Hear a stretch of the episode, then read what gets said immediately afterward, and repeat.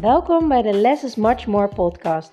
De podcast waarin je alle ins en outs komt te weten over minimaliseren en hoe je snel rust en ruimte in je huis creëert.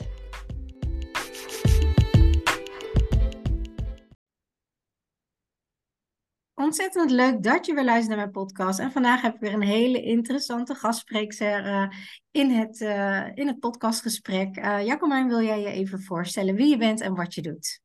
Ja, goedemorgen Suzanne. Um, ja, mijn naam is uh, Jacomijn. Uh, mijn achternaam is Kruisbrink. En ik werk als, um, als ademcoach vooral. En, um, en dan ben ik gespecialiseerd in het begeleiden van uh, ondernemers die te maken krijgen met rouw en verlies in hun leven. En over het algemeen daar ja, nogal met hun hoofd op reageren. Mm-hmm. door, door te denken van nou, het mag wel even duren, maar niet te lang en door. En daar zijn ze vaak ook heel goed in. En vervolgens merk je dat dat, uh, dat, dat toch niet zo makkelijk werkt. Dus, um, en vandaar adem, omdat het lichaam uh, daar uh, heel, hele, ja, heel veel mooie ruimte, ademruimte letterlijk geeft. Dus, dus dat is wat ik doe. Wat tof. kun je vertellen hoe je hiermee begonnen bent en ja, wat jouw drijfveer zeg maar, daarachter is, achter jouw bedrijf? Ja, mooie vraag. ook, nou ja, en ook wel een belangrijke vraag. Ja, voor mij is het... Um, is het eigenlijk een heel proces. Ik ben al 25 jaar geleden, uh, uh, heb ik mijn eerste coachingsopleiding uh, gedaan. En ehm, ben eigenlijk steeds meer in mijn eigen persoonlijke ontwikkeling en door de ervaringen in mijn leven um, naar dit soort ja, hele intensieve, soms kwetsbare um, vorm van begeleiding gegaan. Ik ben zelf ervaringsdeskundige. rond, toen ik 33 was, is mijn toenmalige partner verongelukt. Nou, dat mhm. was echt mega heftig. Op dat moment dacht ik echt, oh nou, dat, daar gaat de rest van mijn leven. Geen kinderen, nooit meer een andere man. Nou, gelukkig loopt het leven anders. Uh, maar daar is eigenlijk wel mijn, uh, mijn persoonlijke ontwikkeling uh, wel enorm door aangezet. En in versnelling geraakt. veel meer ook me gaan verdiepen in leven en dood en spiritualiteit. Daarna met een andere man gewoon lekker kinderen gekregen. En nou, dat, dat eindigde na elf jaar in een scheiding. Ook niet heel simpel. Um, ja, en toen trof ik een, eh, een nieuwe man. En ondertussen ben ik allerlei opleidingen en, en ik werkte gewoon. Maar ik was niet heel specifiek uh, met dit, uh, dit, dit thema bezig. Helemaal niet. Dat kwam veel te dichtbij.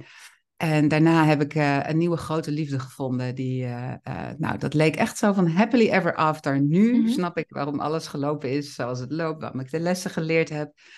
Um, en, maar de happily ever after werd, werd toch... Um, en uh, een grote nachtmerrie. Um, niet onze liefde, maar wel, uh, hij werd ziek, hij kreeg een depressie en uh, dat eindigde niet in een huwelijk wat we gepland hadden, maar in een zelfdoding. Mm-hmm. Dus dat, ja, en dat is nu vijf en een half jaar geleden. Um, ja, ik heb enorm geworsteld van, ja, ik begeleid mensen, maar ik doe niets op dit gebied. Mm-hmm. en uiteindelijk heb ik vorig jaar, um, ja, nadat ik met adem uh, en breathwork in, uh, in aanraking ben gekomen.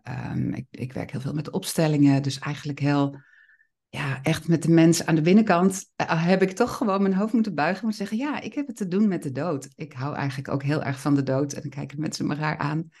En zeg ik, ja, want als er iets mij vol in mijn leven heeft gezet, dan is het dat wel. Ja. En dat is niet makkelijk om te zien als je in de, de dynamiek, in de heftigheid en de pijn zit. Maar als je, daar, als je het echt durft aan te kijken, uh, dan, dan kun je zien hoeveel, um, ja, ik zal niet zeggen moois daar ook is, alhoewel mensen, nou, en ik ook achteraf best wel sommige dingen als heel mooi hebben beschreven. Mm-hmm. Maar hoeveel opening daar zit in, in ja, hoe leef ik mijn leven werkelijk um, in de hoogste kwaliteit, op de beste manier cut all the crap, cut all the bullshit. Um, weet je, alle onzin en, en, en gedoe. Uh, window dressing, maskers, dat, dat doet er dan niet meer toe. En nou, blijkbaar had ik het nodig om daar twee keer uh, langs te gaan. Maar dat heeft me uiteindelijk wel echt gebracht tot, ja, dit is wat ik te doen heb. En niet alleen uh, individuele cliënten helpen of groepen mensen laten ervaren hoe je weer ruimte krijgt, hoe je het niet hoe je rouw en verlies en verdriet en pijn niet wegkrijgt, maar hoe het er kan zijn zonder dat het je steeds maar ondersteboven mept. Mhm. Want het is denk ik niet weg te krijgen. Volgens mij weet jij dat ook. Dus ja, daarom doe ik wat ik doe. En, uh, en mijn, mijn grotere missie is eigenlijk dat ik, niet eigenlijk, mijn grotere missie is dat ik uh, bij wil dragen aan een wereld waar, waar ook de donkere kant, de schaduwkant, de pijnlijke dingen niet meer weg hoeven, maar uh, er kunnen zijn. En daarom denk ik, ja, ondernemers, mensen die in bedrijven werken, die leiders zijn, um, die hebben zoveel meer span of control om dit mee te helpen uitdragen. Dus voor mij uh, is het de ripple effect wat ik daarin uh, hoop te verspreiden. Uh, ja, dat, dat, is, dat, dat is waarom ik doe wat ik doe. Ja, heel mooi. Ja, weg krijg je het nooit. Ik voelde toen mijn moeder overleed echt alsof het een soort van amputatie was. Alsof je je arm kwijt bent. Die gewoon, je leert ermee leven, maar het is gewoon weg, zeg maar. Zo'n zo gevoel had ik heel erg. Maar het heeft voor mij ook wel echt uh, ja, heel veel verdieping gebracht. Ook wel vol in de rouw en een hele vervelende en heftige tijd.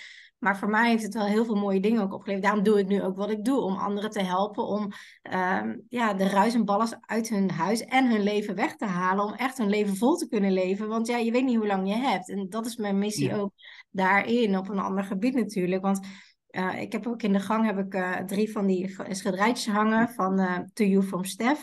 En er staat er ook bij eentje, dan zie je mensen zo springen. En um, op een gegeven moment zie je dan zo van die, van die poppetjes naast elkaar met van zo'n parachute van... Ehm, je hebt twee levens en dat besef je pas als je als je erachter komt dat je maar één leven hebt. Het tweede leven begint als je erachter komt dat je maar één leven hebt. Want ja. dan denk je van ja, allemaal inderdaad kattenbullshit, kattencrap. We gaan gewoon mijn leven leven. En dit is wat ik wil. En uiteindelijk, hoe meer je bij jezelf komt, hoe meer je kan geven aan anderen. En uh, ja, heel erg mooi. Kan je iets vertellen over uh, rouw? Want toen ik, zeg maar, toen mijn moeder overleed... Um, um, ik wist er helemaal niks van. Ja, tuurlijk, je weet, iemand is weg en je hebt verdriet. En opa's en oma's waren al eerder verloren. Maar wat nou echt rauw was en hoe het werkte. En inderdaad, ik was ook zo iemand in mijn hoofd. Hop, doorgaan. Ja, het gaat weer goed. En dan ineens weet je weer helemaal compleet onderuit gemapt. En dacht ik, oké, uh, uh, hoe dan en hoe lang gaat dit dan wel niet duren? En de, ik heb twee kleine kinderen, ik moet door. Ja, maar hoe dan? En ik wil ook niet mezelf voorbij lopen. En zeg maar een soort bal die je onder water drukt, waarvan je denkt, ja, dit is eigenlijk veel vermoeiender dan dat je er echt doorheen gaat en het aankijkt. kun je iets over het rouwproces zelf vertellen? Ja, ja, natuurlijk. Want precies wat jij eigenlijk ook beschrijft, hè, je eigen proces is wat we eigenlijk allemaal doormaken. Want je, je wil gewoon zo snel mogelijk bij de, bij de pijn weg, bij het verscheurd zijn, bij het afgesneden zijn. En, ja, en, het, en dat kan niet. Dus je, je, je gaat allerlei bypasses doen, je, je gaat allerlei aannames doen, je hebt gedachten over, nou, het mag zo lang duren. Um, omgeving vindt ook eigenlijk wel dat er een bepaalde tijd, houdbaar, rouw heeft echt een soort houdbaarheidsdatum. En, en het is, je krijgt veel um, te maken met een omgeving die jou laat merken dat de houdbaarheidsdatum wel voorbij is, terwijl je zelf misschien heel erg in een ander proces zit. Ja, wat ik, wat ik essentieel vind in rouw, dat je, je kan het op heel veel verschillende manieren, kan ik je vraag beantwoorden. Um, maar, maar rouw is het afgesneden zijn en het verlangen naar iets of iemand. Hè, want dat hoeft niet een persoon te zijn. Dat kan ook een droom, een groot verlangen. Hè, dus verlangen naar, naar een kind. Wat je misschien op een gegeven moment moet aanvaarden. Dat dat niet gaat gebeuren op de manier zoals je het uh, altijd had gehoopt. Hè? Dus ook, ook dat soort dingen. Mm -hmm, uh, ja. zijn, dus rouw, een verlies kan op heel veel meer dingen zijn. Ik werk met een ondernemer die zijn levenswerk heeft opgebouwd in 30 jaar. Een compagnon kreeg die op een slinkse manier uh, het geld uitgetrokken heeft, het bedrijf heeft overgenomen en de boel is failliet laten gaan. Dat je zijn levenswerk is.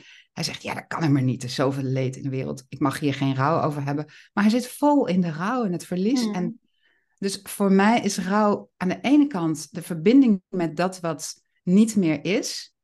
Of dat nou een persoon of een, of een droom is, of, of je fysieke gezondheid, of een borstamputatie. He, dus er zijn allerlei varianten in. Maar tegelijk is het ook verlies om dat wat nooit zal zijn. En dat vergeten we heel vaak. Um, want als je je kind verliest, dan um, gaan alle vriendjes en vriendinnetjes 18 worden, maar jouw kind niet. Die gaan eindexamen doen, maar jouw kind niet. Die gaan studeren, maar jouw kind niet. Die gaan afstuderen, maar jouw kind niet. He, dus zo al die dingen. Je zal later ja. ook geen oma worden van dat kind. Dus als jouw vriendinnen oma worden en met de foto's. Dus dat gaat je leven lang met je mee. En dat vergeten we. En daar komen we in de knel met, met tijd. Omdat we denken, oh, het was iets van, van toen en daar. Dus nu moet het klaar zijn. Maar dat is helemaal niet zo. Het is iets van jou. Dus jouw hele leven lang draag je dat mee. Dus ik, ik zeg altijd, ja, weet je, als, als mensen me vragen wat is, wat is liefde, dan hebben we daar allerlei beelden voor en dan snappen we dat dat in heel veel verschillende vormen kan zijn. En wat ik eigenlijk mensen ook probeer te laten zien, rouw is ook een vorm van liefde. Het is een uitingsvorm, een variant van liefde, maar liefde die ja, nergens meer heen kan in de buitenwereld. Maar daarmee is het nog niet weg. Dus het is ook iets wat je naar binnen te nemen hebt. Nou, weet je, er is zoveel over bekend als ik een, een psychotherapeut die ik graag volg. Uh, een professor aan de Stanford University heeft een prachtige podcast gemaakt waarin hij heel technisch vertelt wat gebeurt er in jouw lijf op het moment dat je rouw ervaart. Hij zegt ja, we verbinden ons met iets op drie lagen. Op het um, in ruimte, waar is iemand of waar, waar, waar is iets te bereiken, te vinden. In tijd, hoe lang duurt het voordat ik daar weer kan zijn, voordat ik me daar weer uh, uh, bij kan voelen. Maar ook in, uh, in connectie, in liefde, in je hart. Ja, als, als iets of iemand wegvalt, dan zijn die ruimte en tijd zijn er niet meer. Ja. Dus je hebt het opnieuw te, te verinnerlijken, herinneren, zeg ik meestal, om het, omdat die andere twee wegvallen. Maar je blijft dus zoeken, je blijft iemand nog zien. Maar dat zit ook gewoon in onze cellen, in ons lijf. Dus er is, ik kan hier eh, dagen over praten, merk je al. Dus ik zal het even laten. Maar... Nee, nee, ik vind het juist heel interessant. Want ik denk dat heel veel mensen hier totaal niet bewust van zijn. Weet je, ja, iemand overlijdt, je hebt een uitvaart en dat is het dan. En ja, dan ben je verdrietig en daarna pak je je leven weer op of niet, of half. Het belemmertje en, en dat is het dan. Maar ja, zo werkt het dus helemaal niet. En ik, ik vind het juist heel belangrijk, daarom heb ik jou ook uitgenodigd in mijn podcast, om hier meer Ehm, ja, meer kennis over te delen, zeg maar, vanuit jouw expertise. Omdat iedereen krijgt hiermee te maken, vroeg of later. Ik bedoel, iedereen heeft ouders, dus die verlies je ongetwijfeld een keer. Dus het gebeurt om jou heen. Of inderdaad, net wat jij zegt, uh, een scheiding is ook een soort van verlies. Een, uh, een baan is ook een soort van verlies. Een, een bepaald beeld of een droom is ook een soort van verlies. En wij denken dat allemaal, ja, iedereen gaat maar door en door en door. En we zijn een soort van wandelende hoofden. En vooral ook sensitieve vrouwen hebben hier extra nog last van, vind ik. Omdat die gewoon heel erg uh, alles maar oppakken en voelen in je lijf. En alles schreeuwt, dit klopt gewoon niet. Maar ja, de buitenwereld laat iets heel anders zien. Dus ja, dan zit je echt een soort van, van, van spagaat. Van ja, maar hoe dan? Eigenlijk wil ik mijn eigen proces doorvoelen. Maar ja, dat kan niet, want aan alle kanten wordt er aan me getrokken en verwacht. En ja, hoe dan? En, en dan ga je juist het uh, ja, opslaan en het niet uiten. En dan heb je dadelijk een veel groter probleem. Uh, Absoluut. Ja, nou, en, dat is, en, dat, en, en onze hoofden zijn natuurlijk. Ons brein heeft maar één taak en dat is ons veilig houden. En ons laten overleven. En hoe doet het, hoe doet het dat? Nou, door uh, steeds maar terug te schakelen naar dingen die die kent. Um, want daar kan je deels op de autopilot, dat is veilig, dat is ook voorspelbaar. Dan weet je uh, waar de valkuilen zitten. En ons brein wil zelfs liever dan nog nog de, de valkuilen hebben dan iets onbekends wat helemaal nieuw is. Want daar kunnen, kunnen heel veel grotere risico's gelopen worden. Dus onze gedachten gaan gewoon zeggen: doe maar niet. Ga maar weg bij de pijn. Of ga maar, um, leid jezelf maar af. Of nu is het wel genoeg geweest dus we zijn ook niet zo heel erg bewust van de blueprint die we hebben van hoe heb je dat van huis uit meegekregen? Als jouw ouders ook zeiden, nou, um, niet meer huilen, pleister op je knie, snoepje erop en, en uh, ja, dit was het, nu is het klaar.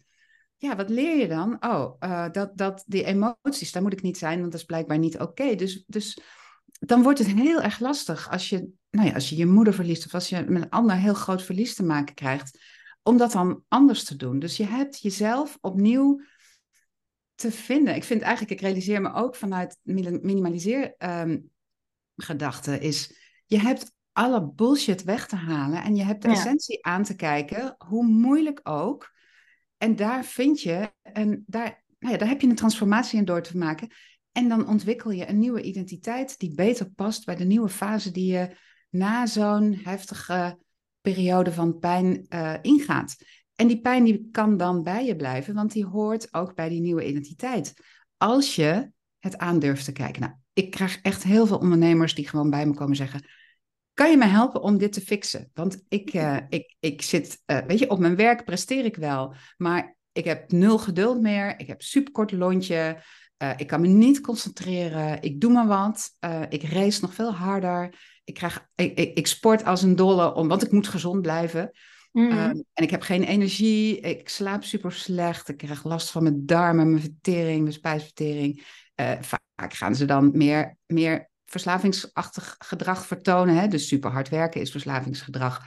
Uh, um, overmatig sporten, veel meer alcohol gebruiken, um, heel, heel boos en agressief worden. Dus er zijn heel veel aanpassingen in ons systeem, alleen maar ook omdat we denken, het moet over zijn. Maar het is helemaal niet over. En dan komen ze bij mij als zo van, oké, nou dan maar adem. En wat doe je eigenlijk met die adem? Dat is ook raar, hoezo adem? Um, en doe je dan alleen adem? Nee, ik doe niet alleen adem. Het is een ingang om stiller te worden, om te vertragen, om al die bullshit, al die gedachten weg te halen. En zeggen ze, ja, maar doe ik het dan wel goed en het duurt veel te lang. Oh, wie zegt dat er een bepaalde tijd voor staat? Ja, maar ik kan het nu niet meer hebben. Nee, dat is iets anders. Dus, dus we gaan eraan werken. Hoe kun je het dragen? Hoe kun je het meenemen? Hoe kun je dat wat er werkelijk is bij je dragen en al die gedachten, al die franje, al die extra ballast um, loslaten? En dat doe je door naar binnen te gaan, door, um, nou, een heel door je kop even uit te zetten. Dus, en dat is wat ademwerk prachtig doet. Mm dus ja, dat is wel mijn, uh, mijn main entrance, zeg maar. Want um, hoe ziet dat er bij jou uit, zeg maar? Want uh, uh, van waar de keuze voor ademwerk? Want dat zet je hoofd uit. Maar voor mensen die misschien daar nog nooit mee te maken hebben gehad, die er nu luisteren. Kan je daar iets over delen hoe dat dan werkt? En, en ja, hoe dat er een beetje soort uitzien, de mensen die je begeleidt? Ja, ik, uh, ik merk dat, dat uh, als mensen praten, zitten ze, blijven ze heel erg in hun hoofd zitten. En dan, dan praten ze ook vanuit het verhaal wat ze bedacht hebben hoe het zou moeten zijn. Mm-hmm. En, um, en daarmee uh, uh, ja, kom je op een gegeven moment niet heel veel verder. Dus um, nou ja, wat, wat ik heel veel doe, is um, ze ja, echt letterlijk terugbrengen naar hun lichaam, naar hun adem. Meditatie is vaak ook al heel lastig voor ze, want dan, dan gaan ze verstillen. Dat hebben ze vaak dan ook wel geprobeerd. Of mindfulness. Dan zeggen ze, ja, maar mijn kop blijft maar doorgaan. Daar heb ik helemaal geen geduld voor. Ik kan dat helemaal niet nu. Maar als je mensen um, allerlei verschillende uh, varianten van je ademhaling laat doen, dus door je neus of door je mond, um, in een uh, snellere frequentie, of juist steeds verder vertragen, uh, snel in, langzaam uit, uh, langzaam in, snel uit. veel in, weinig uit. nou, dan, dan zet je ze eigenlijk, ik zeg altijd, het is een soort fysieke training die je doet. Net als een, nou ja, met een personal trainer aan de slag zijn. Alleen, um, het werkt op verschillende lagen. Het werkt op het niveau van het hoofd.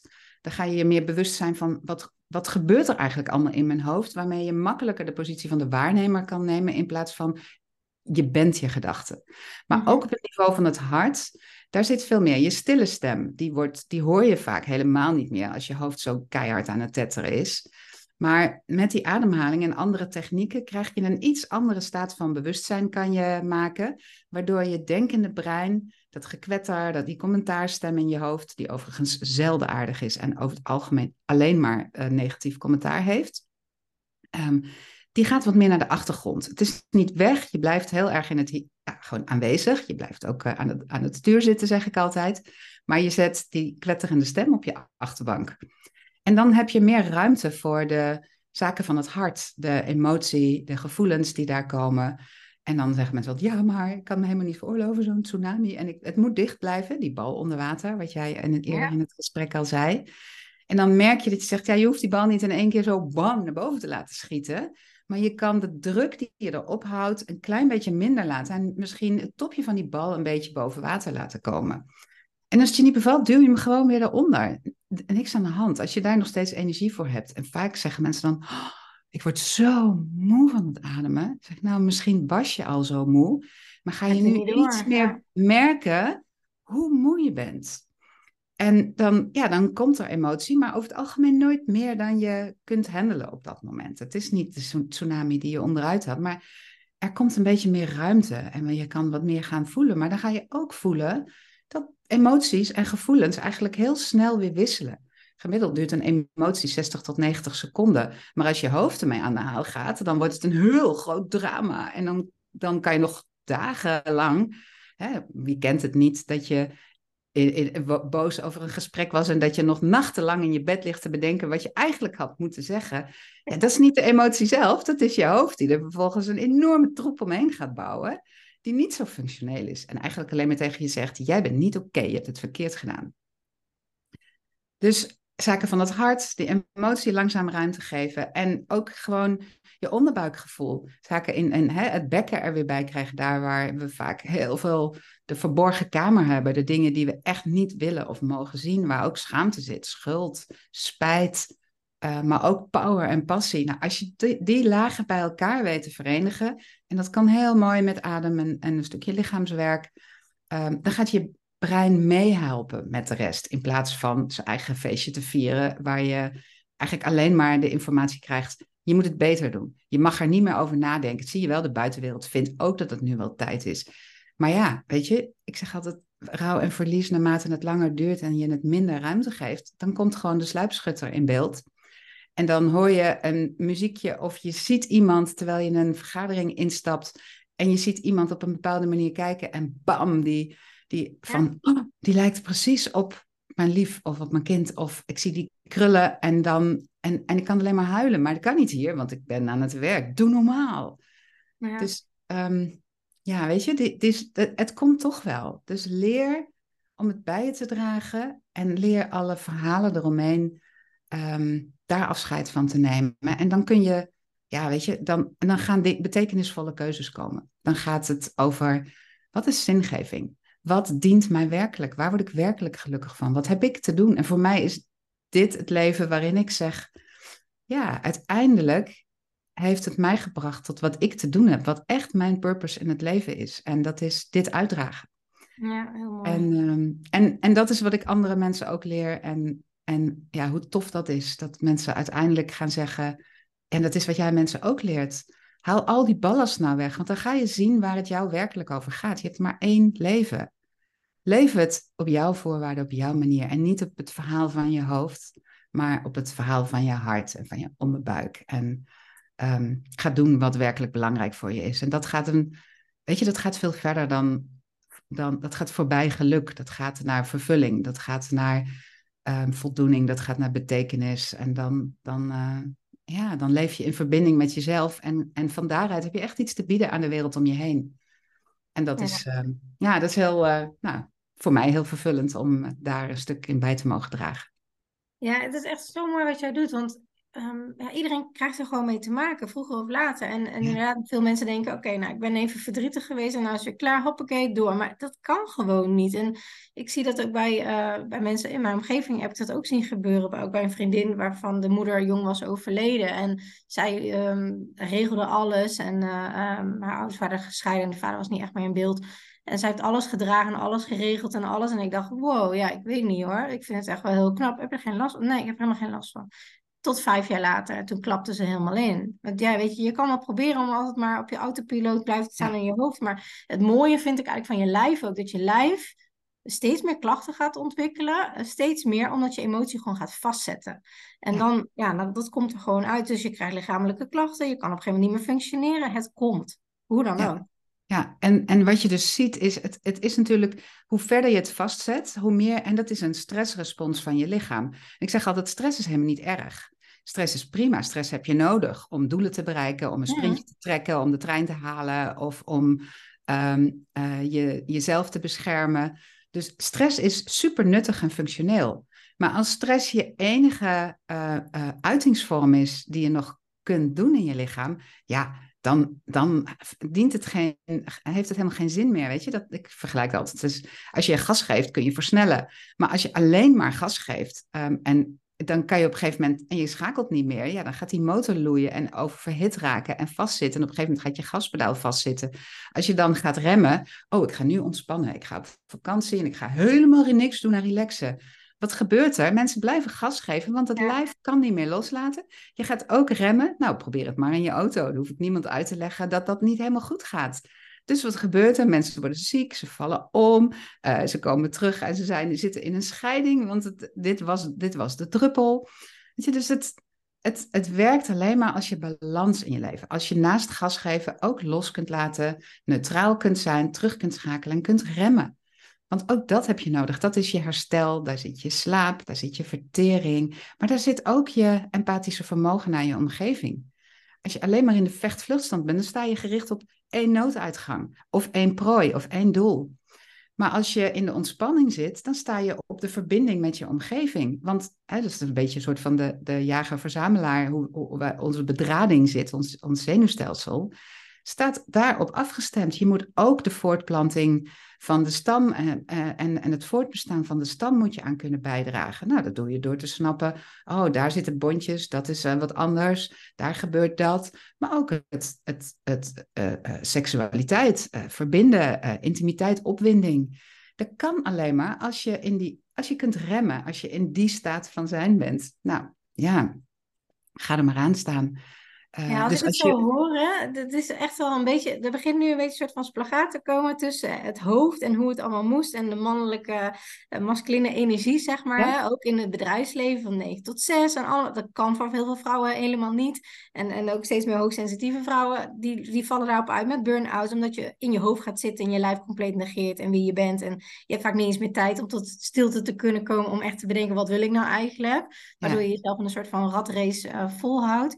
Maar ook Ehm, en daar hadden wij laatst uh, een heel leuk gesprek mee met een, uh, een huisarts. Uh, dat ook vanuit ehm, het reguleren ook heel vaak nog wordt gekeken naar met rouw. Als je, wat zei ze nou? Als je langer dan zes maanden. Ja, ja, ja. Dan heb je uitgestelde rouw. Kan je daar iets over vertellen? Hoe ja. dat nou ja, een beetje gezien wordt? Ja, nou, dat is natuurlijk in de, in de gezondheidszorg willen we alles een soort van een etiket geven. En dat helpt soms, maar dat helpt eigenlijk vooral voor de financiering. Want als je dat etiket hebt, dan gaat er ergens een potje open. Ehm, en ja, je hebt uh, zeg maar de, de, de psychiatrie-bijbel, waar alle uh, mentale aandoeningen in beschreven staan. Um, ja, en, de, en daarin is opgenomen dat als je langer dan zes maanden ernstig gehinderd wordt door je verlies in, in je dagelijks leven. En dat, dat staat echt letterlijk zo beschreven van, dus als je steeds maar moet denken aan diegene die je verloren hebt. En als dat impact heeft op hoe je je in je, nou ja, of je wel of niet naar feestjes gaat en hoe je je voelt en of je naar je werk kunt. Ehm, ja, dan heet dat um, verstoorde rouw. En dan ehm, is dat een psychiatrische diagnose. ja, ik, ik vind dat zo bizar, want dat gaat, dat gaat zo ervan uit dat je dus uh, dat er iets een timeline heeft. Uh, dat het goed of fout kan zijn, um, dat je het op een bepaalde manier moet doen en dat het moet stoppen, dat je er geen last meer van mag hebben. Ja, hoe dan? Uh, dat, dat is, het moet gefixt. En, en dat is zo inderdaad wat je zegt, de, dat patriarchaat, de masculine energie. En het, en het past in mijn beeld ook heel erg. De masculine energie is lineair. Eerst dit, dan dat, dan volgende en dan volgende. En dan het liefst ook in een lijn omhoog, niet in een lijn naar beneden. En soms dondert het in, maar dan gaat het eigenlijk over, oké, die bodem van die put, die moet zo snel mogelijk vermeden worden en er moet er zo snel mogelijk in een opgaande lijn weer uit. Soms is er op de bodem van de put um, uh, hele waardevolle informatie te vinden. En, um, en ook daar, als je echt denkt, dit komt nooit meer goed, dan pas als je, dat heeft ook met een stuk overgave te maken. En daar geloof ik heel erg in dat feminine energie, de circulaire um, uh, visie, die naast de masculine, het een is niet weten dan het ander. We hebben het nee, allebei, nee, het is allebei nodig. Ja, ja. En we hebben het ook allebei in ons, maar, maar de beschikking erover hebben we steeds minder, omdat we in onze westerse maatschappij zo in die masculine energie, die lijn van groei en weer verbeteren uh, zitten. Maar juist op die bodem van die put dat kan je ook vergelijken met, uh, met de winter. En um, er, er komt geen nieuw blad aan de bomen als het niet het oude blad in de herfst is afgevallen. En er komt ook niet vanuit het oude meteen de knoppen die weer gaan ontluiken. Er is een periode van inwaarts, van rust, van bezinning, van opnieuw um, ja, verstilling. Dat je denkt, komt dit ooit nog wel goed? Weet je, komen er ooit nog weer knoppen aan die bomen? Ja, die komen er wel. Um, maar het heeft even even rust nodig. Het heeft tijd nodig. En dan ga je iets nieuws ontdekken. Wat je alleen maar ontdekt als je in die verstilling kunt en durft te blijven. Nou, dat, dat zit niet zo in onze maatschappij. Want wij hebben zoiets van hop en door, aan het werk, kop erop, positief denken. Positief denken is super belangrijk. Hè? Maar als je, uh, als je de schaduwen er niet laat zijn, kun je ook het licht niet zien. En um, en dat hoort bij elkaar. En, dat, en positief denken alleen maar om eruit te komen, is gewoon een toxische positiviteit waar je uh, iets heel belangrijks overslaat. Ja, het is niet holistisch? Het, het, is geen geheel, want dan is het alleen maar positief, alleen maar goed, alleen maar... Nee, want juist in dat... Ik doe de laatste anderhalf jaar ontzettend veel innerlijk werk en... Uh, ja, daar, daar ligt juist de kracht om nog meer, zeg maar, uh, de kern te komen en nog meer te kunnen bijdragen. Maar daarvoor moet je wel eerst door dat donker heen. En dat lijkt vaak heel zwaar, maar dat valt best wel mee. Vaak het onderdrukken is veel zwaarder en veel uitputtender. Absoluut, absoluut. Dus ja, durven we meer? En dan zeker als jij inderdaad um, bij met de mensen waar jij uh, veel mee werkt, uh, hoogsensitieve vrouwen, ja, dat, in zo'n continue masculine energie die maar doet, doet, doet, doet, doet, ja, da, daarin is het niet zo raar dat je in een spagaat raakt af en toe tussen, ja, hoe voelt het voor mij veel passender versus ja, wat wordt er van me verwacht? En, en je krijgt dat allemaal binnen. Vaak ben je er natuurlijk ook niet altijd even bewust van in welke subtiele varianten het allemaal binnenkomt. Hè? De, de hele, soms is het in your face en denk je, oh ja, hier hoef ik niet in mee. Maar het is veel vaker die non-stop subtiliteit die, ehm, die dit, hè, dus de scholen, hoe onze kinderen naar school gaan en hoe die daarin, het is ook alleen maar meer en groei en beter of slechter. Uh, maar je hebt daar als moeder uh, een stuk begeleiding in te doen. En de kans dat je zelf hoogsensitieve kinderen hebt, is natuurlijk ook aanwezig.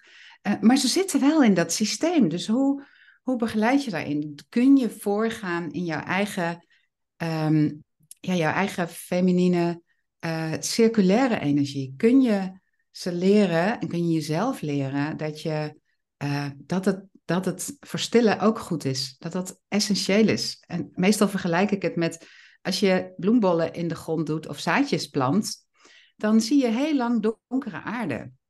En dan komt het neer op vertrouwen.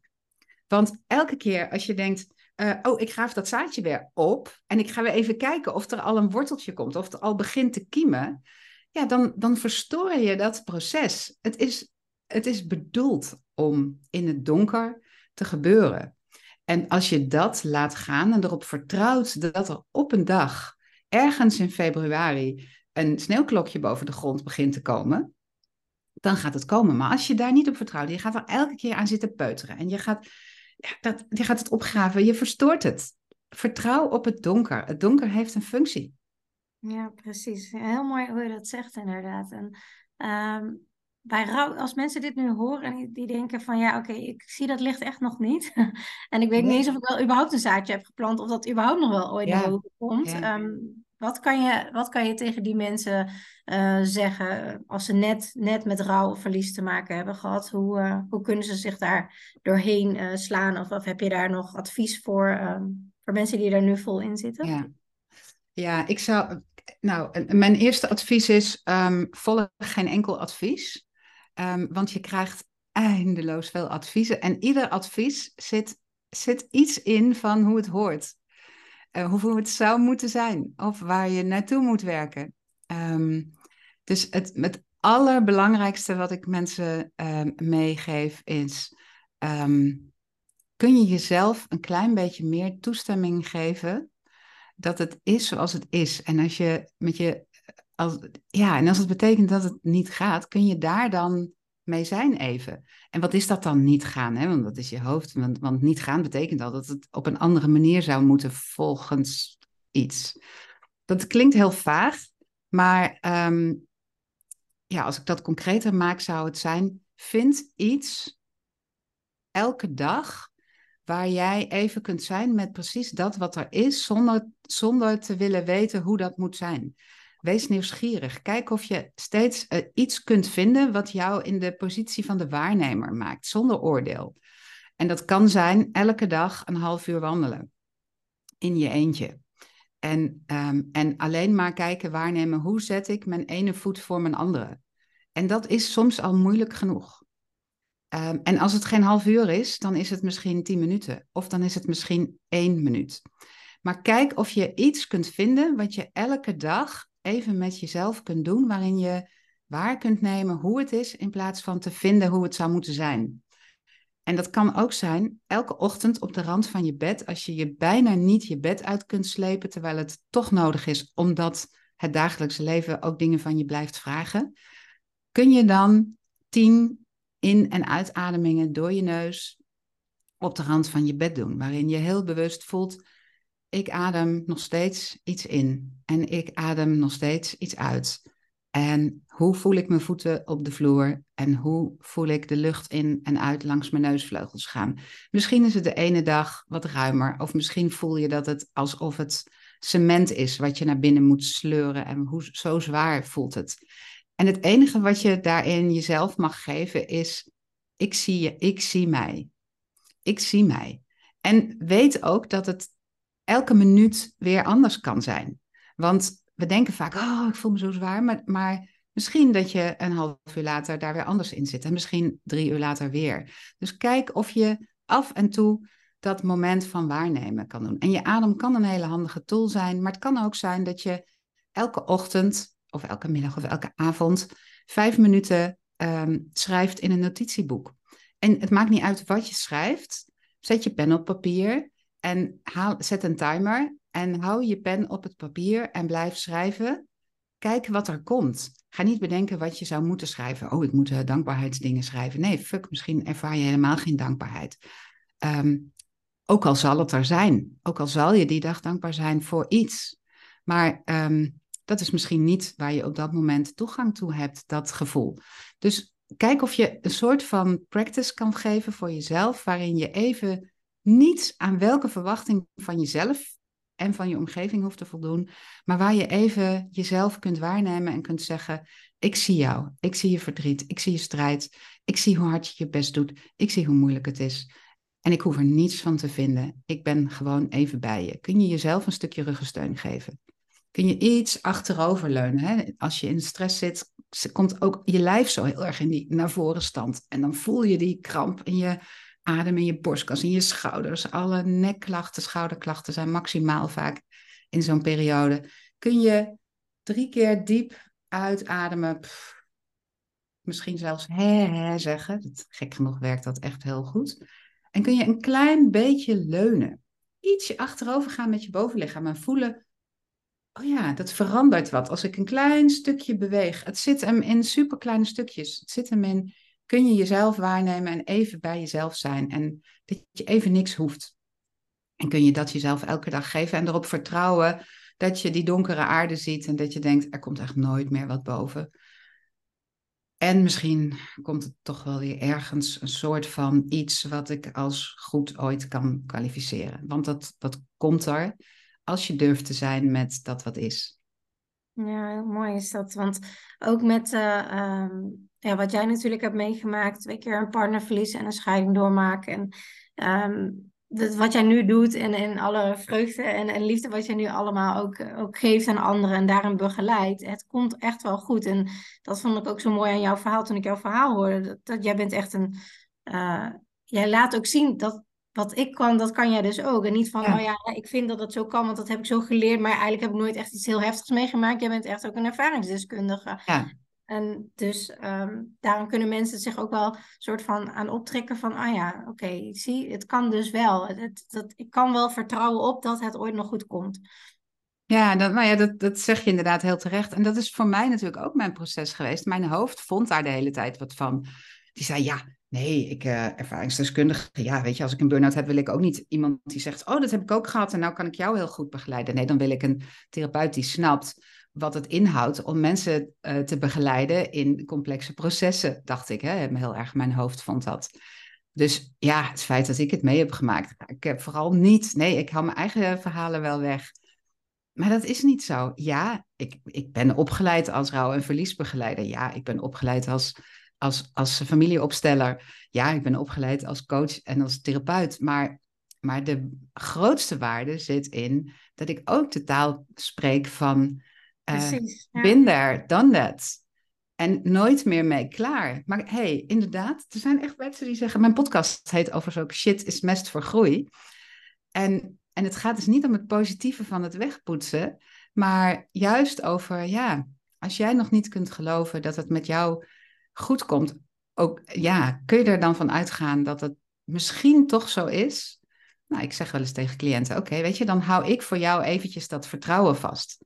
Want ik weet dat het weer goed gaat komen. Alleen, ja, wat goed inhoudt, ja, dat weten we allemaal niet. Maar dat is jouw pad wat jij te gaan hebt. En misschien ontdek je wel dingen die, ja, die jou op je, op je echt betekenisvolle pad van je leven brengen. Waarin je andere keuzes gaat maken. En soms zijn die keuzes inimini, hè? Een, een workaholic directeur van een organisatie met 500 medewerkers die alleen maar werkt en eigenlijk nooit aan is bij zijn jonge kinderen thuis. Uh, die zich realiseert, ja, mijn leven, wat ik in mijn bedrijf doe, is super belangrijk. Maar ik vind het eigenlijk nog veel belangrijker dat ik ook als papa gewoon werkelijke oprechte aandacht heb. Dus hoe ga ik andere keuzes maken in mijn leven en in hoe ik mijn bedrijf manage en hoe ik ook in mijn bedrijf voor ga lezen van ja, er zijn ook heel veel collega's van mij, medewerkers die dit ook meemaken. Dus hoe ga ik hen laten zien welke werkelijk relevante keuzes ik maak en dat ik dus soms uh, om drie uur op het schoolplein sta omdat ik daarvoor kies, omdat dat voor mij mijn essentie nu is. Ik wil aanwezig zijn en niet alleen maar. Ja, ik heb de verantwoordelijkheid voor mijn bedrijf en dat moet blijven groeien en draaien, want daar leven een heleboel mensen van en daar heb ik lol in. En ik maak een andere essentiële keuze en ik leer uit mijn medewerkers hoe zij dit ook kunnen gaan doen. Dan denk ik, ja, je hoeft niet een goede doelenstichting te starten om de wereld te verbeteren. Het zit in dit soort kleine, wezenlijke, essentiële keuzes die jouw wereld wezenlijk veranderen. Ja, dat vind ik ook toen, toen ik daarmee te maken heb gekregen dat het is zo rauw en het is zo puur en het, het smijt je meteen helemaal terug naar wie je eigenlijk echt wil zijn. En het voelde ook heel veel dingen voelden nutteloos op een gegeven moment daarna, waarvan ik dacht, ja, maar wat is nou eigenlijk echt belangrijk? Hè? Al die dingen waar ik me druk over maak, is helemaal niet belangrijk in het einde. En, en al die dingen waar je altijd maar je tijd mee opvult en je mee afleidt, zeg maar, is aan het einde helemaal niet meer belangrijk. Dan gaat het echt om samen zijn, mooie herinnering maken of gemaakt hebben waar je aan terug kan denken. Weet je, dat soort dingen. En dat, daar kom je niet als je jezelf vast blijft zetten. En, en dat is ook natuurlijk waarom ik doe wat ik doe. En ehm, en ik, ik kan anderen dus ook het vertrouwen geven van ja, maar weet je, uh, ook al heb je een chaotisch brein, ook al ben je heel sensitief, ook al uh, denk je van dit komt nooit meer goed, ik kan dit niet. Jawel, je kan dit ook. En uh, ik kan je laten zien hoe en op welke manier. Want dan uiteindelijk kan je echt gewoon je leven gaan leven die je wil leven. En dat vind ik het meest waardevolle, want je weet niet hoe lang je hebt. En de dood vind ik persoonlijk uh, ja, heel mooi. En dat omarm ik ook helemaal. En dat noem ik ook heel vaak van, goh, maar wat nou als je vandaag hoort dat je nog maar een jaar te leven hebt? Wat nou als je nog maar twee jaar te leven hebt? Wat ga je dan doen? En waar wil je je tijd in je huis mee vullen? En waar wil je je eigenlijk mee bezighouden? En vaak trek ik het dan net iets verder naar vijf jaar. Want ik snap heus wel dat als je nog maar een jaar hebt of een half jaar, dat je niet denkt, dan ga ik al mijn tijd spenderen aan het spullen uit mijn huis halen. Nee, dat is uh, niet echt uh, constructief aan je leven, zeg maar, levensvreugde toevoegen. Maar als je net iets langer hebt, dan wel. Want dan heb je daarna veel meer tijd dat je echt, echt kan leven. En, en dat is gewoon heel erg belangrijk. Uh, ja. Ook om te... ja, dan vind ik zo mooi wat jij doet. Want eigenlijk is het is het de essentie, weet je. vaak is heel veel spullen in ons huis. En ik kijk ook naar mijn eigen huis. En ik, en ik denk steeds, oh, ik moet ook bij jou in een traject. Want weet je, ja, ik kan het dan misschien met emoties. Maar ik heb ook gewoon een, een mega vol troephuis. Terwijl ik uh, al twaalf jaar geleden met, met minimaliseren uh, in aanraking ben gekomen. Maar echt heel goed gelukt is het niet. Maar het is mijn mechanisme. Als ik me slecht voel, vind ik het heerlijk om te shoppen en dingen te kopen en mooie dingen om me heen te verzamelen. Maar het is, het is dempen. En ik vind het zo mooi wat jij doet. Het is eigenlijk het afscheid nemen van spullen die er niet meer toe doen, is ook een vorm van dood. En het is ook afscheid nemen van, van ja, weet je, ik, ik vind het super tof. Wat je, je hebt waarschijnlijk ook mensen die te maken hebben met het ontspullen van het ja, de spullen van je ouders, die, je moeder die overleden is. Ja, waardoor je je ouderlijk huis moet. En wat doe je dan met al die dingen? Want er zitten dierbare herinneringen aan, dus je wil het niet kwijt. Maar draagt het bij aan, aan, ja, draagt het bij aan de kwaliteit van je leven? Ja, precies. En vaak is dat ook een deel van hou vast. Hè? Van dan hou ik het maar, want dan is ze nog bij me. Of dan hou ik het maar, want uh, anders uh, beledig ik haar als ik het zomaar weggooi. En dat is oneerbiedig. En uh, ja, weet je, dat soort dingen zitten er echt wel aan. En dan heel vaak stel ik ook de vraag van, ja, maar wat zou die overledene willen dat jij? Zou die echt serieus willen dat jij hier ongelukkig van wordt? En dan zeggen ze vaak, nee, dat zouden ze echt niet willen. Waarom doe je jezelf dit dan aan? Hè? Dat is vaak een soort van loyaliteit. Maar uh, ja, dat is heftig. En ik heb laatst ook gehoord dat mensen als die overlijden in een verzorgingstehuis, dat je gewoon binnen een week heel die kamer leeg moet halen. Want ja, er is een wachtlijst en er is een druk en dan moet dan. En in die week moet je ook nog de begrafenis uh, regelen. En je zit vol met emoties en je wordt geleefd. het is eigenlijk, vind ik gewoon, uh, het kan gewoon niet. Het is te heftig. Emotionele impact wat dat heeft om zo'n ruimte leeg te halen uh, in zo'n hele korte tijd. En inderdaad met huizen van uh, ouders. daar komt heel veel emotie bij kijken, maar ook weer gedoe vaak. Als er broers, zussen zijn, wie krijgt wat en, en ja, hoe dan? Ja, heb jij, want ik, ik, ik, kan ik verwacht dat mensen die mij volgen, zullen deze podcast uh, wellicht ook vinden en luisteren. Heb jij um, een goede tip voor, voor mensen die echt met, ja, met rouw en verlies in hun huis. En het is natuurlijk nog veel heftiger als het iemand in je eigen gezin is die is overleden. Hè? Wat doe je met de kleren van je man die, die uh, verongelukt is? Hoe ga je om met, met, het is, ik zeg altijd, je hebt je eigen identiteit opnieuw te vinden, maar dat is ook de omgeving. Heb je, wat, wat, wat, heb jij voor advies en um, voor mensen die hierin zitten? Ja, ook dit is weer geen advies. Nee, oké. Okay. Geen advies werkt, want je hebt heel veel verschillende wegen die naar Rome leiden, zeg maar. Maar ehm, ja, wat ik heb gemerkt, bijvoorbeeld bij mijn, bij mijn ouders in huis. Uh, mijn moeder had best wel veel spullen ook. Um, en ook wel een heel super creatief brein, maar daardoor ook liep ze in vast met het ontspullen, want ze zag overal creativiteit in. Uh, was wel altijd heel netjes met verjaardagen hoor, dus het was niet een hoordershuis of zo, absoluut niet. maar gewoon heel veel spullen. Uh, en toen zij, uh, daar was ze ook altijd mee bezig. En toen ze op een gegeven moment wist dat ze zou overlijden, ja, toen ineens viel dat helemaal weg. Want je wist ineens dat je niet meer nog 60 patronen uh, kleding kon maken. Je wist dat je niet meer alle hobby's die je had nog allemaal kon doen in de tijd die je had. Weet je, dat soort dingen. En um, in het begin heeft ze nog wel wat ontspuld, maar op een gegeven moment ook niet meer. Want toen dacht ze, ja, dat fysiek wordt het te zwaar. En toen heeft ze aan mij wel gevraagd, wil je alsjeblieft zorgen dat dit, het huis uitgaat voor je vader, waardoor hij niet met al die spullen overblijft. Nou, het gekke was, tot tot op het moment dat ze overleed, want ik was daarbij, um, hoorden haar spullen nog bij haar. Dus haar schoenen waren nog van haar, haar kleding was nog van haar, weet je. En op het moment dat ze overleed, toen wist je, ja, je kan eigenlijk nog maar één setje kleding uitzoeken en schoenen niet eens meer in de kist.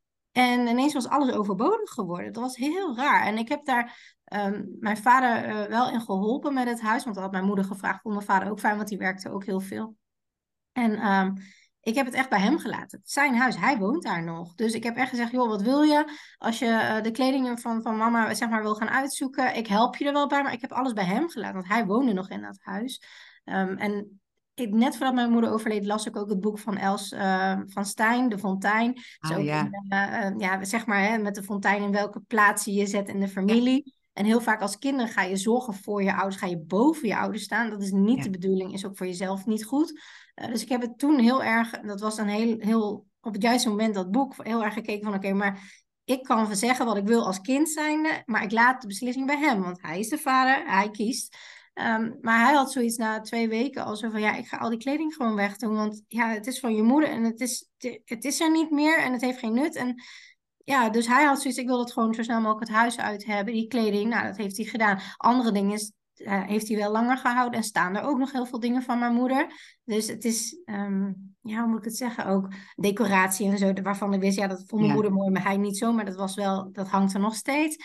Um, dus dat is heel anders. En ik heb zelf ook spullen meegenomen van mijn moeder, die ik wilde hebben.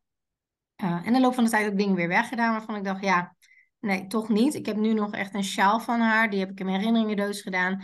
Uh, die vind ik heel fijn. En uh, dat is echt fysiek wat ik nog heb. Um, en een armbandje met wat as, zo'n eh, zo'n as uh, uh, sieraad. En verder qua spullen niet. Want ook omdat dingen die ik natuurlijk allemaal heb geleerd, is dat de herinnering niet in de spullen zit. De herinnering zit echt in um, als je het ziet, de trigger. Dus als je een foto hebt waar bijvoorbeeld um, iets uh, een kledingstuk, zeg maar, die persoon aan heeft. Of een leuke foto waar jullie samen op stap zijn. Dat doet veel meer dan, dan die trui bewaren, bijvoorbeeld. Maar dat is ook voor iedereen weer anders. Want de ene vindt het juist wel heel fijn om dingen te hebben. De ander vindt het fijn om de, vooral de herinneringen vast te houden. En um, mijn advies hierin zou zijn, als je dit zou luisteren, als je vol in de rouw zit, het hoeft niet nu. Je hoeft daar niet over te beslissen. Al doe je het over een jaar, al doe je het over twee jaar, maakt niet uit. Al zeg je van, nou, ik haal heel die kledingkast leeg, maar ik bewaar nog één zak met kleding bijvoorbeeld en ik zie het wel. Er worden ook uh, dekens van gemaakt, kleeds bijvoorbeeld van kledingstukken. Er worden herinneringskussens uh, uh, gemaakt, een teddybeer bijvoorbeeld met een kledingstuk daarin verwerkt. Um, je kan het op heel veel verschillende manieren vormgeven. Als dat het punt is wat voor jou houvast biedt en fijn is. Maar weet dat als je die spullen wegdoet, dat het niet is dat je niet meer aan die persoon denkt of dat je niet meer... Ja um, niet eerbiedig met die persoon omgaan. Totaal niet. Het, het, zit hem heel ergens anders in. Ja, dat is eigenlijk wat ik eerder al zei. Hè? Die drie lagen waarin je ehm, eh, eh, iemand te herinneren hebt. Dus de tijd en de plaats verdwijnt. Maar dat gaat dus ook over spullen. Ja, zeker. En, en, en het gevoel, want we denken altijd van, oh, we moeten aan iemand denken. Maar eigenlijk helpt het veel meer om uh, de, het gevoel te herinneren wat iemand je gegeven heeft. Of wat een bepaald moment je gegeven heeft. Of het gevoel te herinneren wat het zien van een bepaald kledingstuk of een bepaald um, object. Wat, uh, hè, want waarom is een, een beeld of zoiets belangrijk? Of een spuuglelijke paar schoenen of, of iets dergelijks. Waarom mag dat niet weg? Ja. ja, ja kun je, moet het de schoenen zijn? Of kun je het uiteindelijk in, in je liefde, in je hart gaan, gaan herinneren? Op een nieuwe manier waarin je voelt, oh ja, wat was ik ongelooflijk geraakt op dat moment. Of wat had ik een pret, of wat voelde ik me veilig toen, of gezien of gehoord. Of, weet je, dat, dat zijn de manieren waarop we iets bij ons dragen. En daar kun je altijd naartoe terug. Maar niet zozeer het object, maar hoe heeft het me toen laten voelen? En dat kan je nog steeds blijven voelen. En daar kun je het, ehm, daar kun je het bij je blijven dragen. En soms blijft een object belangrijk, omdat het lekkerder is als een soort portal om weer naar dat gevoel terug te gaan. Maar als het alleen maar om de objecten gaat, dan, ehm, dan mis je de point misschien nog een beetje. Dan, dan, dan, dan is er misschien nog aan de binnenkant um, iets te halen. Zeker, zeker. Want je houdt vast aan iets wat geweest is. En waar hou je echt aan vast? En ook, het, het gaat, weet je, ik zeg altijd minimaliseren. Denken mensen dat het om de spullen gaat. Maar daar gaat het helemaal niet om. Het is echt een soort van verkapte zelfontwikkeling. Ja, dat is het mooie, dat is het mooie programma. Hè? Dat hoor, hoor, ik je steeds zeggen. En ik moet steeds lachen. Ik denk, oh ja, deze snap ik eigenlijk heel goed. Ja, ja, want dat is het. Want je gaat zeg maar helemaal terug naar de kern. Wat wil ik nou eigenlijk en wat hoort daarbij? En ik was nog wel benieuwd, hoe heb jij dat gedaan met de twee overlijdens die je hebt meegemaakt? Hoe, ben jij met de spullen omgegaan? Ja, dat was in beide situaties um, ingewikkeld. Ik heb bij mijn eerste lief heb ik um, ja, heel lang veel spullen nog gehouden. En er is ook heel veel naar zijn familie gegaan, het merendeel. Maar dat, dat was toen wel al oké. En gaandeweg ben ik steeds meer um, spullen gaan... Ik ben het gaan comprimeren, inderdaad. Ik heb heel lang nog... Uh, want dat is 21 jaar geleden. Ik heb nog heel lang uh, de Jos-doos verhuisd. Daar stond het ook op, heette Jos. Um, en, uh, dus ik had nog een Jos-doos. En dat was nou, niet eens zo heel groot meer. Dat was een halve verhuisdoos ongeveer. Um, waar nog de meest dierbare dingetjes in zaten. En uiteindelijk haalde ik ook zoiets van... Ja, het is wel oké. Ik breng hem... Uh, ik, ik laat het nu. Uh, ik, ik, ja, ik, kan, ik, heb het, ik heb de spullen niet meer nodig. En, ehm, en nou ja, weet je, en ik, dat is, heb ik ook niet weggedaan. Dat heb ik aan zijn familie gevraagd en zijn zus gevraagd van, mm wil je dat hebben? Dus dat, ja, dat is daar. Of zij hebben het uiteindelijk ja, ergens geïntegreerd of zo. Dus dat, dat langzaam maar zeker lost het op in, in het universum, denk ik dan. En mhm. de tweede keer was echt heel ingewikkeld, want we hadden een huis gekocht samen daar wonen we ook. Dat was heel groot. Hij had zijn spullen, mijn spullen, alles gemingeld. En um, toen dat, maar ja, dat, dat, dat, uiteindelijk, we hebben dat huis weer te koop gezet. Al heel snel daarna, drie maanden later weer. En dat, hij wilde alleen maar terug naar Amsterdam. Um, om beter te worden. En, en ik heb dus nog een tijd in dat huis gewoond. Het was echt ingewikkeld. Um, qua spullen, qua plekken. En uiteindelijk, toen dat huis verkocht werd escaleerde dat ook in zijn ziekte. En twee weken later ehm, eh, is hij uit het leven gestapt. En toen zat ik nog in een huis vol met spullen van ons samen, waar we eigenlijk ja, op een hele rare manier in geleefd hadden, waar ik met mijn kinderen leefde en zijn spullen. Ja, dat, en ik moest verhuizen, want het huis was verkocht. Dus, dus dat, dat was een soort hele brute van we trekken de dingen uit elkaar. En een aantal dingen kies ik ervoor om mee te verhuizen, maar naar een nieuwe plek waar, waar het oude nooit geweest is, maar toch. Eh, dus ja, welke spullen zijn voor mij daarin belangrijk? Dat was een hele cruciale vraag, omdat ik natuurlijk, ja, uh, zijn kant en mijn kant, en, en dat ging ook niet um, uh, aangenaam. Hmm. Uh, dus, en dan gaat het heel snel over spullen en geld. Maar het gaat natuurlijk over, over gebroken harten en Tuurlijk, ja. onvermogen en schuld en daderschap en slachtoffer en nou ja, Dat, is super Interne processen, ja. En, en, dan, en dan eindig je met strijd over spullen, CQ, geld. Ja, dat, Mhm. ehm, dat is, ja, zo gaan dingen heel vaak. Terwijl het eigenlijk gaat over eh, eh, pijn die te groot is. En waar je elkaar niet meer in kunt bereiken. Ja, ja, gisteren was mijn zoontje jarig en eh, mijn schoonouders waren hier. En mijn man die maakt altijd een grapje als we mijn ouders, of eh, mijn schoonouders iets leuks gaan doen. Dan zegt hij, ja, jullie jagen niet heel de erfenissen doorheen. Hè? Eh, dat is altijd een standaard grapje. En toen zei ze, jawel, we jagen alles er doorheen. Want dan kun je ook geen ruzie maken daarover. Niet dat we heel veel geld hebben of zo, weet je wel. Dat niet, maar gewoon als grapje zo. En toen dacht Ja. ik, ja, maar dat is wel iets wat zo vaak voorkomt. Dan is iemand overleden en dan zit je al vol in je pijn. En dan gaat het over spullen en geld. Want die had dat willen hebben en die heeft dat beeldje meegenomen. En uiteindelijk gaat het daar echt dus niet Nee. om. Hè? Nee, je noemt al het boek van, eh, van Els van Stijn, de Fontijn. Ik, ik- ja, ik, ik ben systemisch opgeleid en het gaat altijd meteen... Het gaat over oude rekeningen vereffenen. Het gaat over plekverwarring. Het gaat over niet gezien zijn, ooit, toen en daar, wat zoveel gekwetst heeft. En dat komt er dan uit in, in, ja, in, in materie. Dat Ja. is vaak dan toch, weet je? En dan, dan gaat het toch over, ja, maar jij en toen en toen al en nu zal je niet en, eh, en nou ga ik op de strepen staan. Maar het gaat gewoon over, ik heb me toen niet gezien gevoeld en dat gaat me niet nog een keer gebeuren. Ja, precies. En dan ga je voor je staan, want dan moet ik per se die ene fase hebben. Of dan moet ik per se, ja. En dat, Ja. dat maakt het eh, heel heftig. En ik, ehm, hoe moet ik het nou zeggen? Wat ik ook eigenlijk altijd zeg, en dat is ook een heel mooi boek over geschreven. eh, minimaliseren als je doodgaat, geloof ik. Ik weet niet precies de titel. Maar daar, eh, dat is in Zweden heel erg dat mensen die in hun laatste levensfase zitten al echt bewust hun huis gaan minimaliseren en opruimen. En ook met een warme hand de spullen al gaan verdelen en geven.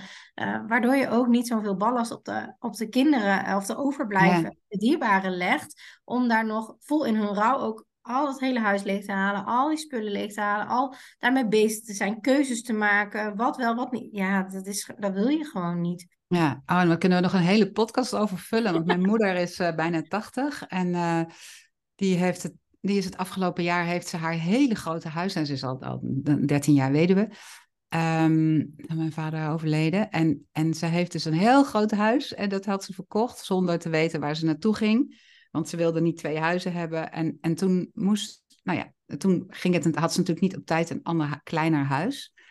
Ehm, dus die heeft een paar maanden, zes maanden in een soort vakantiewoningje gezeten en de rest in de opslag gedaan. Maar als je dus vanuit zo'n heel groot huis met een gigantische zolder en nooit iets wegdoen, ehm, naar een soort vakantiewoning moet en kiezen wat je in de opslag doet. En op het moment dat je die keuzes moet maken, niet weet waar je daarna terechtkomt. Dus Ja. wat kan ik nog meenemen en wat niet? Nou, het, het was echt een hel om te doen. Ik heb daar, het was voor haar afschuwelijk, want ze stond met alles, haar hele leven kwam langs. Je, Ja, dingen van, van de studententijd van mijn vader, van, van haar, hun eerste ontmoetingen, van, van hun jeugd. Dus er was geen doorkomen aan. Het was onvoorstelbaar. Ik heb dat echt met, nou met, met compassie, maar ook met horror, hoe ik daar uiteindelijk dacht, ja, maar over een week staan hier wel de verhuizers. En, en Ja. we staan nog steeds al die dingen te bekijken en niks in een doos te stoppen en niet te kiezen en niet. ehm, en ik kan haar ook niet dwingen, want ze, ze, moet, ze moet gewoon van een heel groot deel van haar leven nu afscheid nemen. Dingen die. En het ergste was misschien wel, oké, de dingen die ze dan niet meer wilde, ja, die, dat waren voor haar, weet je, een prachtige eikenhouten Engelse een meubilair, wat ze allemaal verzameld en gekocht had. Met haar, en dat was gewoon niks waard. Weet je, 40 euro op marktplaats, zuchtend en steunend. Terwijl zij zoiets had van, ja, maar het is super. Maar voor haar is het natuurlijk veel meer nog de emotionele dan de economische waarde. Ja. Het was zo confronterend voor haar om te zien dat alles wat voor haar van waarde was, voor niemand anders. Ja, wil jij dat dan niet? Nee, sorry mam, ik wil het ook niet. Dus zelfs de kinderen zeiden, ja, leuk dat jij het belangrijk vindt, ik snap het, maar ik, wil het niet. Het was enorm confronterend om te zien dat dat wat voor jou van waarde is, dus echt alleen maar voor jou van waarde is en voor niemand anders. Ja, heel bijzonder. Ja, want vaak ook, kijk, onze generatie boven ons en daarboven, ja, die hebben de oorlog ook meegemaakt. Die zijn heel erg van het zuinig en, en weinig en daardoor heel, heel erg eh, op hun spullen. Eh, wat het ook heel moeilijk maakt, ook als kinderen zijnde, om daarmee bezig te zijn. En als je dan, Els van Stijn, zeg maar, echt op je positie blijft staan, dan is het goed. Maar vaak gaan we daar uh, boven staan en willen we dat allemaal maar veranderen voor hun. En hoezo laat je dat niet los? Maar eigenlijk is het makkelijker, en dat klinkt heel vervelend, maar eigenlijk is het makkelijker pas als diegene overleden is, om dan pas het huis leeg te halen. Omdat je dan weet dat het geen uh, haakjes meer heeft en het is niet meer voor die persoon. En dan kun, kun je met je eigen ogen er naar kijken. Maar als het van iemand anders nog is, dan kun je daar niet naar kijken. Dan kan alleen die ander dat beslissen. En die moet de intrinsieke motivatie hebben en niet uh, jij, zeg maar, want het is niet jouw huis. Dus ook daar blijft daarvan weg.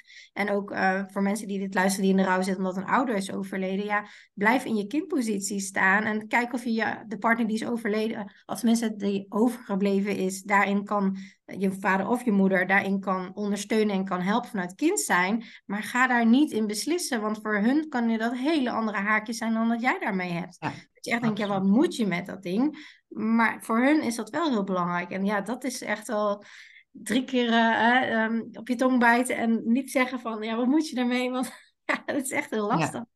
Ja, en vanuit pijn en iemand willen helpen, nemen we het heel snel over. En, en ik denk echt dat het een heel, heel waardevol is om te horen wat je, wat je net zei. Um, realiseer je dat het niet van jou is en dat je de pijn van de ander nooit minder kunt maken. Nee, de pijn wordt alleen maar groter als de ander daar niet alle tijd en ruimte in mag krijgen en mag blijven krijgen. Dus ga niet fixen, want eigenlijk ben je alleen maar je, je eigen ongemak aan het fixen, omdat je het zo moeilijk vindt om de ander zo verdrietig te zien. En misschien wel je eigen verdriet daar ook bij te voelen. Dus um, ja. En daar wil ik nog eigenlijk als laatste nog even op ingaan. Um, uh, want natuurlijk vanuit de rouwende persoon, um, ja, jij hebt ervaring mee, ik heb er ervaring mee, hoe heftig dat kan zijn. Maar voor buitenstaanders, um, hoe ga je om met een rouwend persoon? Kan je daar nog iets ja in, in toevoegen, zeg maar? Want ja, wat moet je dan eigenlijk zeggen, hè? En wat, wat, ja, dat is zo lastig. En wil je juist wel uh, laten zien dat je aan iemand denkt, of juist iemand de rust geeft, of hoe, of wat, of hoe, hoe open je dat gesprek? Wil je wel over de overleden hebben of niet? Hoe kom je daarachter? Kan je daar vanuit jouw expertise um, ja. en vakgebied daar iets over delen? Want het voelt vaak heel ongemakkelijk natuurlijk. Ja, klopt. Ja, nou dat is denk ik het belangrijkste, dat je bij jezelf onderkent dat je het heel ongemakkelijk vindt, dat je het heel graag goed wil doen, dat je het niet verkeerd wil doen voor de ander, waardoor die nog meer verdriet en pijn voelt, en dat je het niet weet. Je kunt het ook niet weten, want je zit niet in, het, in de ervaring van de ander. Dus um, geef jezelf de toestemming om het niet goed te hoeven doen. Maar weet dat je eigen ongemak niet het excuus mag zijn om maar niks te doen. Dus, um, want dat is heel vaak wat mensen dan doen. Die denken, ja, nou, ze is nu even blij.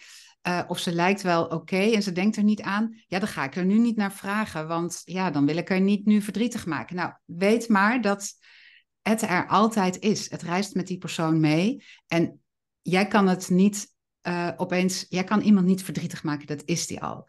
Het ontkennen en het niet benoemen is vaak wat veel eenzamer voelt. Want dat is de grootste klacht van mensen die zeggen: Ik ben zo eenzaam in het dragen van mijn verlies. En het er niet meer over hebben en het doen alsof. De eenzaamheid is vele malen erger. Dus stap over je eigen ongemak heen en vraag. En, en vraag is echt um, tip 2, die heel belangrijk is. Ga geen um, platte dingen zeggen als gelukkig is hem of haar verder lijden bespaard. Daar gaat het helemaal niet over. Het gaat over het, de pijn van het missen van de ander.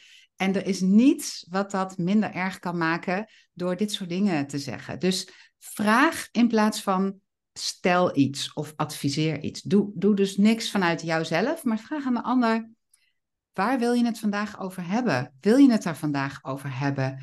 Wat is voor jou belangrijk? Hoe, hè, dus hoe is het, is voor sommige mensen, hé, uh, hey, hoe gaat het, is voor sommige mensen heel pijnlijk. Dus ze denken, ja, hoe gaat het, hoe gaat het? Moet ik nou goed zeggen, omdat het dan minder ongemakkelijk is? Um, maar aangeven van, joh, ik kan me voorstellen dat het een lastige tijd voor je is en dat het alle kanten op gaat. Hoe is het vandaag met je? Of hoe is het nu met je? Dat is al anders dan, hoe gaat het in zijn algemeenheid? Nou, uh, goed, ja, niet ups en downs, de ene keer goed, de andere keer niet. Ja, weet je? ja dus um, uh, geef mensen de ruimte om te zeggen, nou weet je, lief dat je het vraagt, maar nu liever niet. En voel je dan ook niet afgewezen. Wees dan blij dat iemand gewoon voor zichzelf kan zorgen en zegt, nou, fijn dat je daarnaar vraagt. Want dat is de eerste boodschap. Dus vul het niet in. Ga niet met ehm, dingen beginnen als gelukkig maar. Of ehm, eh, ga ook niet zeggen dat ergens ook iets moois in zit. Dat je er vast sterker uitkomt. Mensen voelen zich niet sterk. Misschien is, doet iemand wel sterk, maar voelt hij zich verschrikkelijk. Ja. want, want ja, wat doe je? Je hebt geen andere optie dan maar doorgaan. Dus dat kan best sterk lijken. Maar is er ook ruimte om te onderkennen dat het vast allemaal niet zo sterk voelt? Of zelfs heel wiebelig voelt. Dus het is um, vraag. Vraag gewoon van, joh, ik kan me voorstellen dat er van alles gebeurt en ik weet niet hoe je je voelt. Wat zou je daarover, hoe is het nou met je? Wat wil je erover kwijt? Vertel eens. Dat zijn al twee woorden die, um, die veel opening geven. En als iemand dan zegt, nou, vandaag gaat het toevallig wel wat beter, dan kan je en daarop doorgaan zeggen, nou, ik kan me ook, ja, en, en uh, nou, dat soort dingen. En het blijft ongemakkelijk. Maar laat het over jouzelf gaan.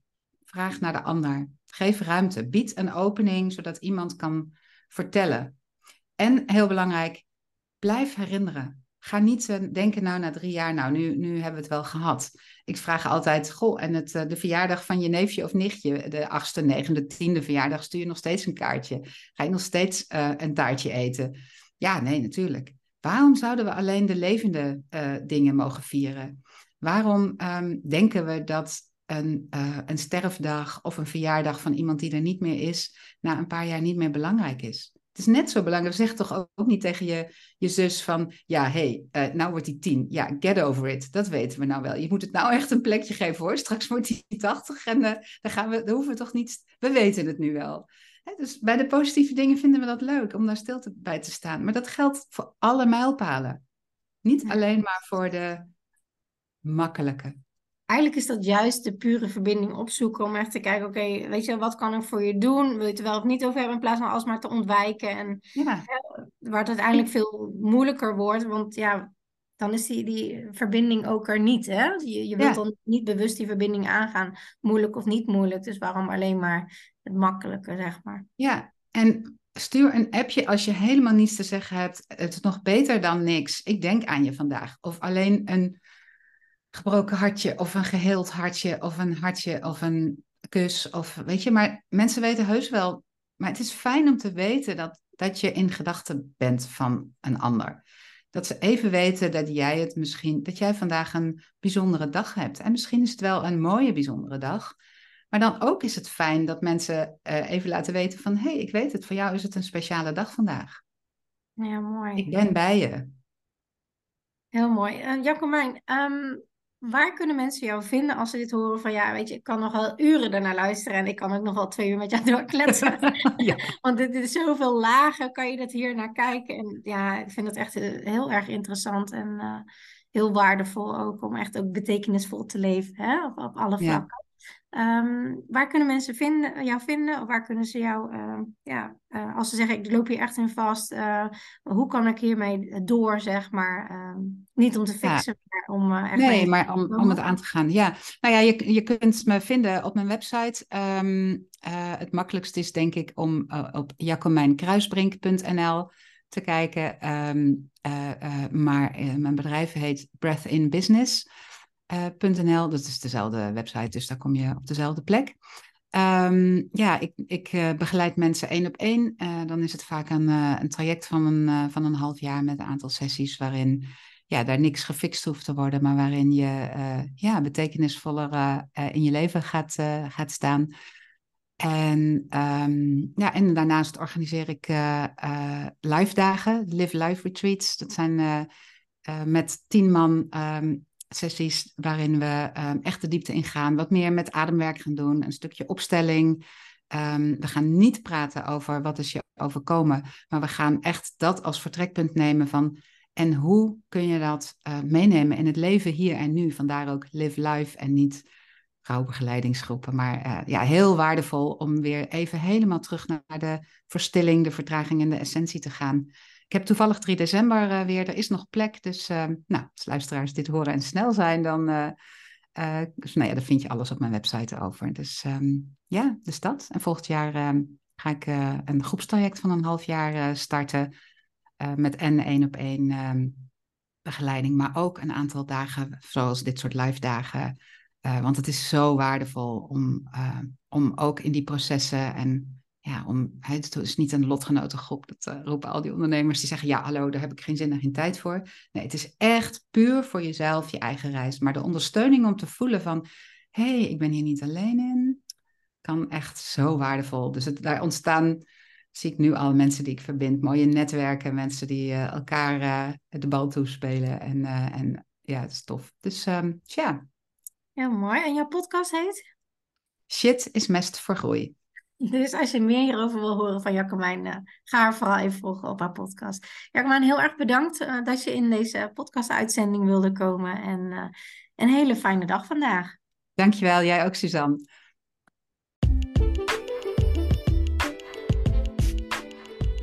Superleuk dat je naar deze podcast hebt geluisterd. Ik hoop dat ik je mee heb kunnen inspireren en motiveren. En laat me vooral in mijn DM weten in, op Instagram of deel het in je stories wat je uit deze podcast uh, hebt gehaald en wat je gaat toepassen.